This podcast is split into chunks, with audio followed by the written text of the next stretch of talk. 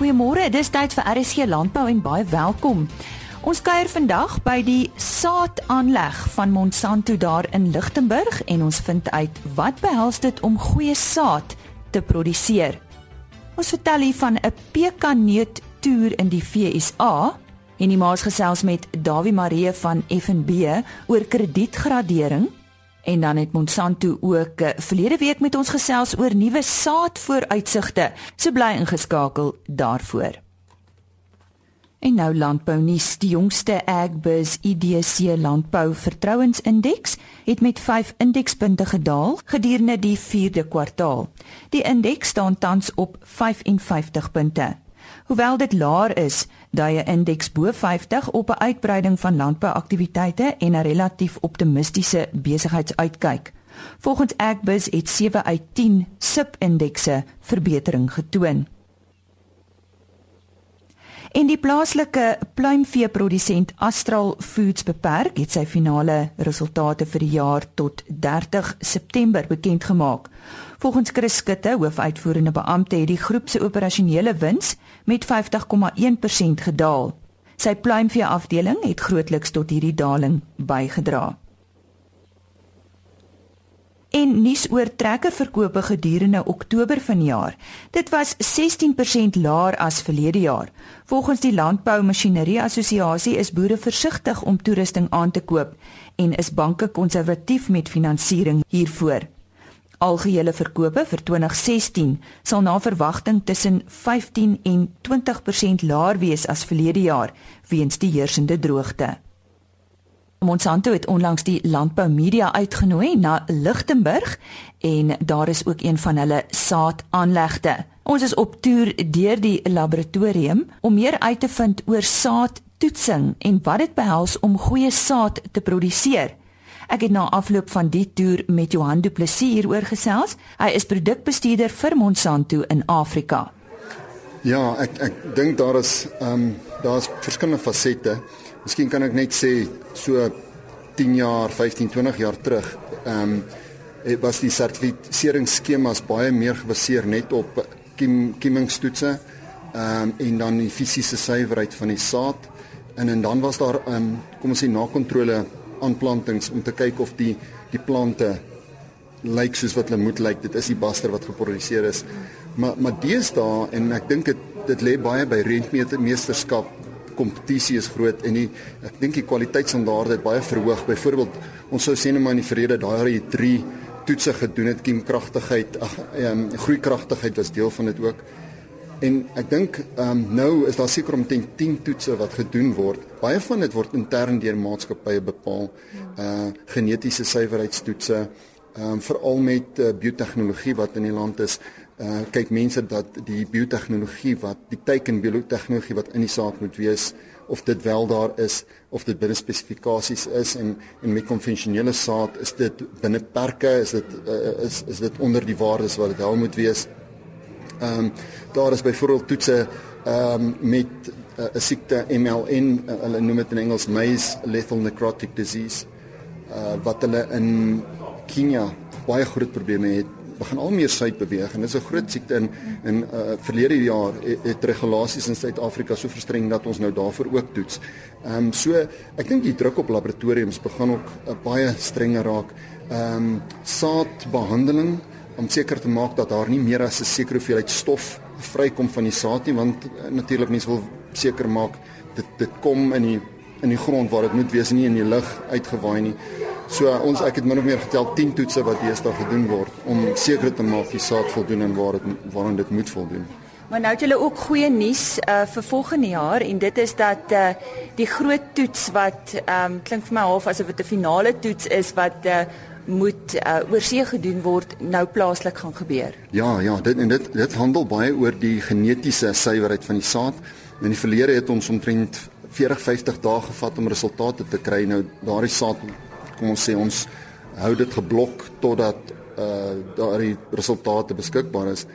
En nou het ons 'n laboratorium ontwikkel wat hierdie genetiese suiwerheidstoetse self kan doen. So ons kan tussen 7 en 14 dae kan ons nou daardie resultate hê. Nou ons was vandag by die aanleg en uh, uh dit was baie rustig en baie stil. So jy het vir ons verduidelik watter tyd van die jaar gebeur hierdie toetse gewoonlik, nie hierdie tyd nie. Nee nee, nou is die seisoen eintlik nou begin boere plant. Ek dink ons vir die weste uh hierdie tyd van die jaar plant hulle. Ehm um, so al daai kiemingstoetse, al daai genetiese suiweringstoetse is nou klaar gedoen, maar in Januarie wanneer die saadmielies begin gelewer word, dan gaan ons nou weer in volle swang met hierdie toetse begin en dan is dit van dan tot omtrent eh, wat ek sê Augustus maand waardeur ons deur hierdie toetsingsproses moet gaan wanneer die saad gelewer word, dit word gedroog en geproseseer en dan vrygestel. Ehm um, en dan hier teen September begin die boere weer uh, plant, maar natuurlik, hulle begin al koop van van Mei Junie maand se kant af. Wat my nogal verbaas het vandag was die ehm um, die mense en die feit dat hulle so gekwalifiseer is. Ek dink nie ehm um, ek dink Suid-Afrikaners sal verbaas wees as hulle hier kom om te sien dat die ongelooflike kundigheid wat julle by daai laboratorium het. Ja, en en dit is 'n uh, baie spektrum van mense en persoonlikhede en als en hulle het baie goeie kwalifikasies. Ehm um, en ag ek dink dit is baie gespesialiseerde omgewings en en soos tegnologie ontwikkel ehm um, moet die toetsingsprogramme ontwikkel en ek dink universiteite is baie goed deesdae om om seker te maak daai tipe tegnologie is by hulle ook want want die slegste ding is as as privaat maatskappye 'n sekere tegnologie ontwikkel en en in ander fasette bly kom ons sê universiteite agter. So mens moet seker maak dat dit parallel saam ontwikkel en, en uh, ons kry baie goeie gekwalifiseerde mense in Suid-Afrika met die werk. Hoeveel personeel het julle wat hier werk op uh, op besige tye? Op besige ja, besige tye. Ehm um, in totaal is daar um, tussen 28 en 56 ehm um, as kom ons sê as al die departemente is daar 56 mense hier by die aanleg. Permanent dit sluit nou in die mense van prosesering tot mense wat die saad moet lewer en en bestellings moet skryf. En dan uh tydelike mense het ons tussen 300 en 350 mense as dit nou uh hoogseisoen is vir ons om te prosesseer. Nou ja, dit is goeie vooruitsigte vir volgende jaar wat 'n uh, saadtoetsing betref. Ek het daar gesels met Johan Du Plessis, produkbestuurder vir Monsanto in Afrika. En nou nog landbou nuus, die gewilde jaarlikse veeplaas intensiewe skaapproduksie skool in samewerking met Mamre Dormers Universiteit van die Vrystaat sal van 18 tot 20 April by die Universiteit in Bloemfontein gehou word. Die aanbieding sal onder meer fokus op Mamre Dormer se 4-faktor plan. Dit omsluit inligting oor skaapproduksie geriewe, gesondheid, voeding en finansiële aspekte van skaapboerdery. Vanjaar se program sal ook 'n wydingsaspek insluit. Planne is ook onderweg vir 'n tweede skool in September tydens die Alpha Expo in Parys in die Vrystaat. Besoek gerus die Agri Orbit webwerf vir meer inligting en dit is www www.agriorbit.com. En nou in die woord Etnodee van Rover Tours en hy gesels oor 'n pekaneut toer. Hallo Lise, die toer vind plaas van die 3de tot die 13de Maart 2017. Is die pekaneut bedryf so groot in Amerika? Kyk, uh, pekaneut is inheems van Amerika. So hulle die oudste boorde en hulle is ook uh, die voorste as dit kom aan nuwe tegnologieë en nuwe verbouingsmetodes en so aan. So, ehm um, dit hulle is maar die voorste bedryf as dit kom met die pekanete. En waar in Amerika? Ons gaan spesifiek um, na die uh, suidweste van Amerika, so dit is al nou weer Texas, New Mexico, Arizona en Kalifornië. So dit is uh, die dele wat ons gaan nou weet hoekom ons soontoe gaan is is omdat hulle uh, verbouings ehm um, klimaat baie dieselfde soos ons is. Ja, is 'n groot dele wat ook gegroei word of plekke wat ook gegroei word in Georgia, maar dit is baie nat en humid daar. So ons van die ouens nou weet waar dit baie dieselfde is wat in Suid-Afrika is. Is daar iets spesifieks wat julle gaan bywoon of is dit maar net oor die verbouing? Ons gaan ehm um, 'n konferensie bywoon, die Western Peaks Growers Association se konferensie. Daar's gewoonlik so 600 boere wat mekaar kom en belangstellings is in die bedryf en rolspelers wat mekaar kom. So dit is amper die ehm um, uh, blue chip uh, event in in in Pekanete wat ons gaan bywoon en rondom dit gaan ons boorde besoek, verwerkingsaanlegte, kwekerye, toerustingvervaardigers So vir enige iemand wat betrokke is, het sy of dit 'n produsent is of 'n insetverskaffer, is hierdie die die perfekte toer om by te woon. Goed, wat kan belangstellendes doen? Die belangstellendes kan ons gerus kontak. ehm um, op my selfoonnommer 082 563 5688 of hulle kan 'n e-pos stuur aan admin@rovertours.co.za of hulle kan net ons webtuiste besoek uh, www.rovertours.co.za en hulle sal meer inligting daar kry. En dit was dan Ed Nudee van Rover Tours. En nou nuus oor wildveilings. Stilveilings waar wild en vee sonder 'n afslaer op die internet aangebied word, kry 'n al stewiger vasdrap plek omdat kopers al meer vertroud raak daarmee. So sê Loot Bester van Wild van Wildswinkel in 'n nuusberig in die Desember uitgawe van Veeplaas. Hy sê stilveilings hou verskeie voordele in en gaan in die toekoms nog meer veld wen. Enige een met 'n selfoon wat toegang tot die internet het, kan aan so 'n veiling deelneem sonder om die veiling by te woon. Dit kan die aantal kopers verhoog en gee byvoorbeeld vir kopers meer tyd om rustig te besin omdat die veiling oor 24 uur gehou word. Die meeste aksie vind egter in die laaste uur plaas wanneer die beery momentum kry. Volgens Bester steek pryse op 'n stil veiling wat saam met 'n gewone veiling aangebied word, geensins af teen die pryse wat met 'n afslaer behaal word nie. Ons uh, praat nou met uh, Dawie Marie, hy's hoof van inligting en bemarking by FNB Besigheid en Landbou. Ons sal 'n bietjie met hom praat oor iets wat uh, wat ons baie van hoor deesdae en dit is kredietgraderings. Uh Dawie, moet mense jou stuur aan kredietgraderings? Veral as ou nou kyk na die landbou.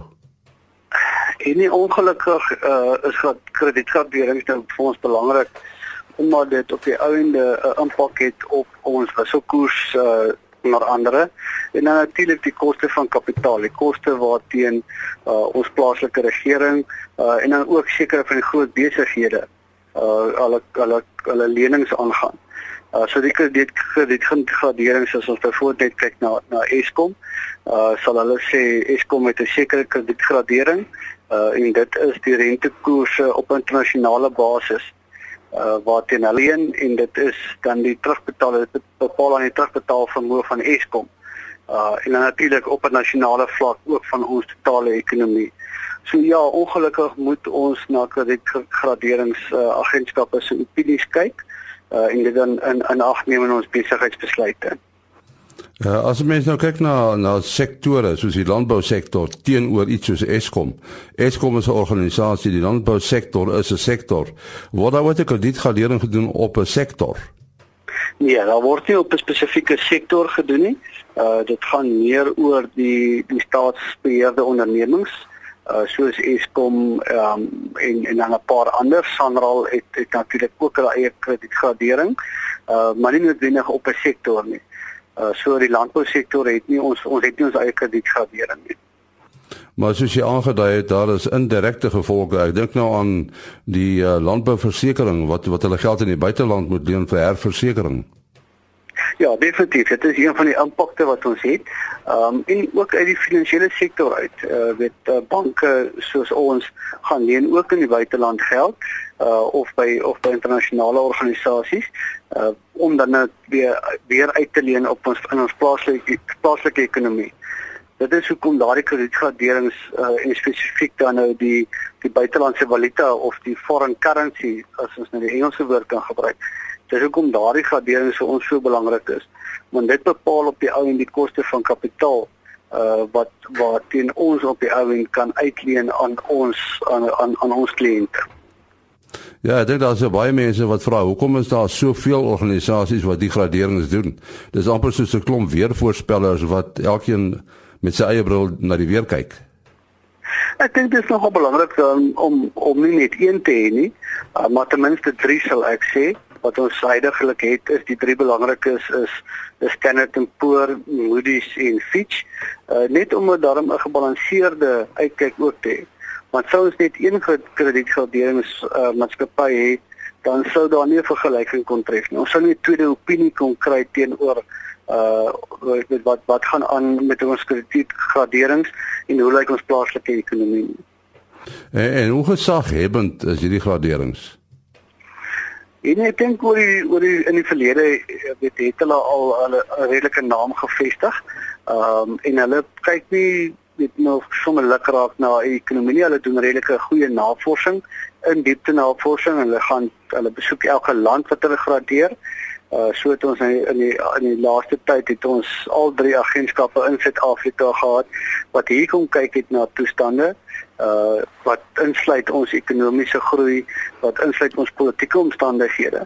So hulle doen in diepte navorsing voordat hulle sommer net 'n kredietgradering op die tafel plaas. So ek dink hulle kredietwaardigheid is daarom nie uh dit laat nie veel te wens nie. Ek dink dit is baie goeie kredietwaardigheid. Nou uh, Standard & Poor's vermoed ek is in Engeland, die ander twee is in Amerika of is dit verkeerd? Ja, die is reg. Standard & Poor's in Engeland en die ander Fitch en Moody's is beide Amerikaans gebaseer. Uh maar maar al drie van die agentskappe werk internasionaal. En en jy sê instellings soos banke hou die graderings met 'n valkoog dop. Ja, ons hou dit graderings met 'n valkoog dop juis om te kyk weet wat want dit is 'n goeie aanduider oor wat gaan die toekoms inhou uh in terme van die wisselkoers want uit die aard van die saak as ons 'n swak gradering kry dan gaan dit negatief 'n uh, negatiewe effek op ons wisselkoers hê. Nou negatiewe wisselkoers of uh, uh, uh, depresierende wisselkoers is nie noodwendig sleg vir landbou nie, maar dit kan beteken dat ons uitvoerverdienste kan verhoog. Maar dit is dit is een van die indirekte gevolge natuurlik van van 'n kredietgradering uh, wat alwaar aangepas word. Sou ons uh, afgegradeer word op 'n stadium na na rommelstatus, het 'n hele effek op ons buitelandse investeringe in landbou. Uh nie net in landbou nie, maar ook in ons in ons nasionale ekonomie ook wat 'n langtermyn effek sal hê om dit reg te kan stel. Uh Brasilië het 'n paar jaar gelede rommelstatus bereik en hulle sukkel nou nog om om dit af te skud om weer terug te kom in in investeringsstatus in. Ek wonder of lande soos Rusland en China hulle steur aan degraderings. Ek dink groot ekonomieë soos so China en en 'n staatsbeheerde ekonomie soos soos wat China het, dink ek nie regtig steur hulle daaraan nie. Uh maar oop ekonomieë uh in in in definitief dan 'n ontwikkelende ekonomie waar onder Rusland in in uh ingesluit word. Dink ek kyk definitief na hierdie tipe graderings uh omdat hulle afhanklik is van daardie buitelandse investering uh direkte investering in hulle ekonomie om ekonomiese groei te te, te kan bewerkstellig. Uh China se ekonomie is natuurlik 'n baie ander ekonomie omdat hy baie staatsbeheerd is. Uh so hulle gaan nie noodwendig so steur aan aan die graderings soos wat 'n land soos so Suid-Afrika en Brasilië sal doen nie. Ja, ons hartlike dank aan uh, Dawie Marie, die hoof van aanligting en bemarking by FNB Besigheid en Landbou. Nog landbou nuus, een van die jaarlikse hoogtepunte in die Suid-Afrikaanse suiwelprodukbedryf is die Suid-Afrikaanse suiwelkampioenskap waar tydens die room van die Suid-Afrikaanse suiwelbedryf bekroon word. Produsente en verwerkers kan nou hulle inskrywings gereed kry vir die 2017 Suid-Afrikaanse suiwelkampioenskap en deel wees van die grootste, oudste en mees gesogte suiwelgebeurtenis in die land. Die kampioenskap word sedert 1834 deur die Kaap die Goeie Hoop Landbougenootskap, nou Agri Expo, aangebied met die uitsluitlike doel om uitnemendheid in die suiwelbedryf te bevorder. Wenprodukte word tydens die kwaliteittoekenningstenee as SA kampioene bekroon en slegs produkte van besondere hoë gehalte kry die kwaliteitmerk van gehalte. Die kwaliteitproduk met die hoogste punt word as die produk van die jaar aangewys. Inskrywings vir die 2017 kampioenskap open 4 Januarie 2017 en die sluitingsdatum is 1 Februarie. Die beoordeling vind op 23 Februarie plaas en die kwaliteittoekenningsdiner op 17 Maart by die Grand West in Kaapstad. Tydens ons Monsanto besoek in Lichtenburg het Pieter Smit, hy is die bemarkingsbestuurder vir saad en biotehnologie vir Monsanto in Suid-Afrika oor nuwe saadvooruitsigte gesels en is natuurlik belangrik met die afgelope droogte om juis hierdie probleem aan te spreek. Ja, so die tegnologie ehm um, waaroor ons baie opgewonde is wat wat in die pipeline is, is spesifiek vir daai ehm um, om daai probleem aan te spreek is nou natuurlik wat ons praat al vir baie jare daaroor is die droogte geen.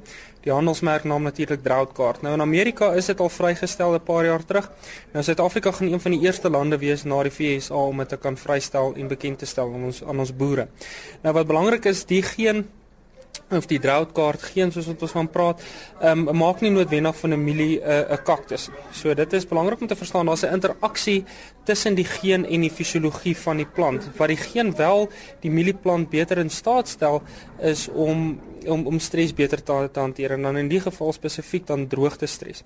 So wat dit doen is dit help in met daai interaksie met die fisiologie van die mielieplant help daai mielie om dalk net daai week of 2 'n bietjie langer uit te kan hou tot die volgende bytjie reën.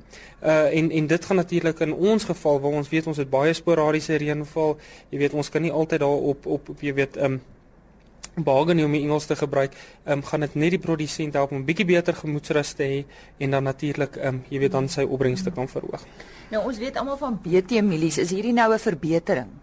Dit is nie ek sou nie sê dit is 'n verbetering van BT mielies nie, wat ek sou sê hierdie is dan nou nog 'n tegnologie. So dit is ons het natuurlik ons weet van die Roundup Ready uh, uh, mielies, die BT mielies en dan hierdie gaan nou nog eene wees. So dis dit vorm deel van daai pakkie van van tegnologie wat die produsent kan gebruik. Sal dit met die volgende plantseisoen beskikbaar wees? Ongelukkig nie. Um, ons is nou in die registrasieproses. Nou soos ons almal weet, dit kan dit kan 'n hele rukkie vat vir hierdie produk om geregistreer te word. Van ehm um, dit is baie belangrik vir ons om seker te maak dat die regte prosedure gevolg word om die om die registrasie te kry en die produkte op die mark te kry. So ons is in daai proses. So ons glo binne die volgende 2 seisoene sal ons kan begin na ons registrasie het om om begin van die eerste produkte te toets en dan bekend te stel aan die aan die produsente. So dit maar dit gaan 'n rukkie, dit gaan nog dit is ongelukkig nie volgende seisoen nie, maar nog so ons dis darm nou al in die nabye toekoms. Nou jy sê Amerika uh, gebruik dit reeds. Wat se terugvoer het julle van af as jy dalk 'n paar syfers vir ons kan gee? So uh, op hierdie stadium is dit natuurlik baie moeilik om ons toestande te vergelyk met die Amerikaanse toestande. Nou, jy weet ons almal weet dat die Amerikaners het baie goeie grond, hulle het baie goeie reënval, jy weet beter reënval as ons. So jy sou verwag het dat waarom sou hulle 'n droogte geen of 'n drought guard uh, uh, uh, tegnologie waarom sou hulle dit wou hê? Maar wat hulle toe nou gesien het na die eerste jaar wat hulle die tegnologie bekend gestel het was daar toe nou 'n redelike uh, positiewe impak op hulle opbrengste gewees.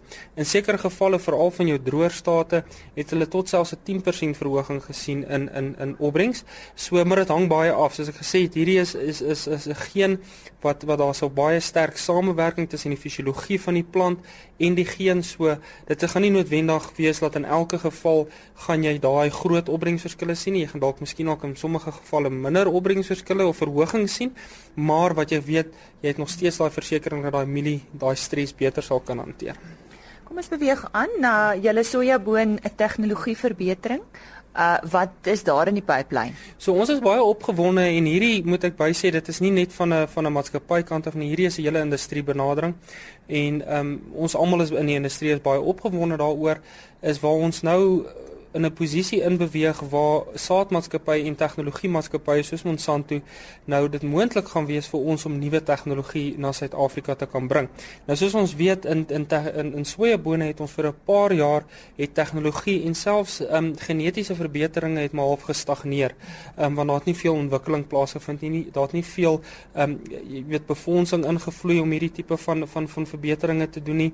Ehm um, daar's nie veel beleggings ingevloei daarvoor nie. So wat nou die die die situasie, die stelsel wat op eh, in stand gebring is nou deur die industrie, gaan dit nou moontlik maak vir ons as 'n maatskappy om weer te kan belê in hierdie in nuwe tegnologie.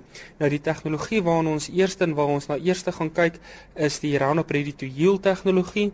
Nou almal weet vandag ken sojaboon tegnologie, die Roundup Ready 1 tegnologie. Nou dit het ons nou al vir vir meer as as 10, dalk selfs 15 jaar al beskikbaar in Suid-Afrika. Nou die Roundup Ready to to Yield tegnologie is dan 'n verbetering op daai ou kom ons noem dit nou maar ou tegnologie. Dan die, die die stap daarna wat ons dan nou ook terselfdertyd na gaan kyk is dan die Intacta tegnologie. Nou dis basies maar almal weet van BT mielies. Die BT geen of die yield kaart geen wat wat wat wat die mielies dan nou weerstand bied teen eh, teen peste spesifiek strongboorders in mielies se geval gaan dit dieselfde weergawe wees vir sojabone. So dit is die intakte tegnologie gaan dan die sojabone help om weerstand te bied teen teen peste sojaboonpeste in, in in ons geval natuurlik een van die groot peste is bolwurm En in hoe ver is daai proses? So ons is hierdie jaar het ons ons het seker so 'n week of wat terug het ons vir die toestemming gekry of of die, die jy weet die die, die kon ons sê die groen lig gekry om dan nou 'n geregistrasie met registrasieproewe te begin. Nou weer eens dit is 'n proses. Hooplik is alles reg vloei gaan ons dalk hierdie seisoen dalk die eerste registrasie wat ons praat van confined field trials sal ons hierdie eerste seisoen kan doen. Dan is dit 'n 2 jaar proses wat ons eers data moet insamel en dan daarna kan ons in jy weet dan begin die proses eers om in te dien vir registrasie. So ons kyk nou maar nog jy weet totdat die die eerste tegnologie werklik waar sal ge, kan geplant word deur die Suid-Afrikaanse produsent. Kyk ons so na 'n 3 na 4 jaar tydperk, maar dit is 'n baie positiewe stap in die regte rigting om te weet dat oor 'n oor 'n paar jaar gaan ons hierdie tegnologie in Suid-Afrika beskikbaar hê. En hopelik sal ons dan meer sojabone produseer. Hooplik en dit is die doel van die hele van die hele proses, ja. Ja, ja. Die bemarkingsbestuurder vir saad en biotehnologie vir Monsanto in Suid-Afrika, Pieter Smit. Nog landbou nuus, een van die jaarlikse hoogtepunte in die Suid-Afrikaanse suiwelprodukbedryf, is die Suid-Afrikaanse suiwelkampioenskap, waar tydens die roem van die Suid-Afrikaanse suiwelbedryf bekroon word. Produsente en verwerkers kan nou hulle inskrywings gereed kry vir die 2017 Suid-Afrikaanse Suiwelkampioenskap en deel wees van die grootste, oudste en mees gesogte suiwelgebeurtenis in die land. Die kampioenskap word sedert 1834 deur die Kaap die Goeie Hoop Landbougenootskap, nou Agri Expo, aangebied met die uitsluitlike doel om uitnemendheid in die suiwelbedryf te bevorder. Wenprodukte word tydens die kwaliteittoekenningstenee as SA kampioene bekroon en slegs produkte van besondere hoë gehalte kry die kwaliteitmerk van gehalte. Die kwaliteitproduk met die hoogste punt word as die produk van die jaar aangewys. Inskrywings vir die 2017 kampioenskap open 4 Januarie 2017 en die sluitingsdatum is 1 Februarie Die beoordeling vind op 23 Februarie plaas en die kwaliteit toekenningsdiner op 17 Maart by die Grand West in Kaapstad. Môreoggend op RC Landbou gesels en die maas met Dr Gerard Neetling oor bruselose, dan vertel ons meer oor die prosesering van wildsvleis. Die Sondagsrivier Citrus Maatskappy het 'n 300 miljoen rand bemagtigingsprojek bekend gestel En dan met ons skaapvleisboere hulle ore spits. Ek gesels môreoggend met Marina Bester van Skaapvleis SA oor die 2017 voedselgiere. En dan daarvoor in te skakel ek sien uit daarna om alles met u te deel. Totsiens. RSG Landbou is 'n produksie van Blast Publishing. Produksieregisseur Henny Maas. Aanbieding Lisa Roberts. En uitskoördineerder Martie Kerstyn.